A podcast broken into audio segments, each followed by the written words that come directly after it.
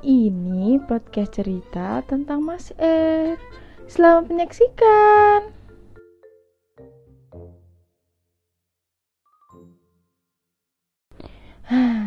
Aku inget deh, kalau dipikir-pikir, waktu di kolam renang. Tiba-tiba kepikiran kolam renang aja.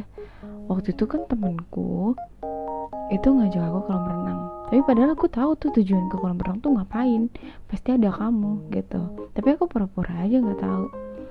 Nah, pas itu kamu tuh mau ngajak ngobrol aku, manggil teman kamu buat nyuruh aku tuh ke kamu gitu. Tapi aku malu karena aku kayak ya tahu apa yang kamu mau omongin gitu.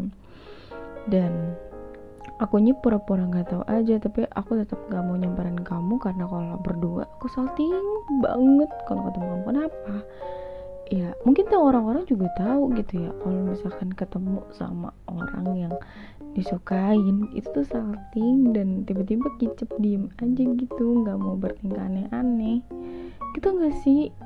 Sama aku juga kayak gitu. Jadi kayak mungkin di situ juga mereka buat nyentuhin aku tuh gagal. Karena aku sendiri kayak oh my god akunya nggak nggak ada respon. Oke, tapi kalau misalkan aku ngeliat dia dia lagi main tuh aku liatin sih sebenarnya. Cuman ya ya kalian tahu lah kalau misalkan berduaan sama orang yang disuka saltingnya bisa ke mana-mana gitu ya.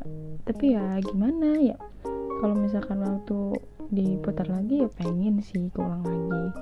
Tapi btw maaf ya soal itu aku nggak bisa nurutin apa yang kamu mau tapi ya sudah berlalu namanya hidup kan harus bisa mengikhlaskan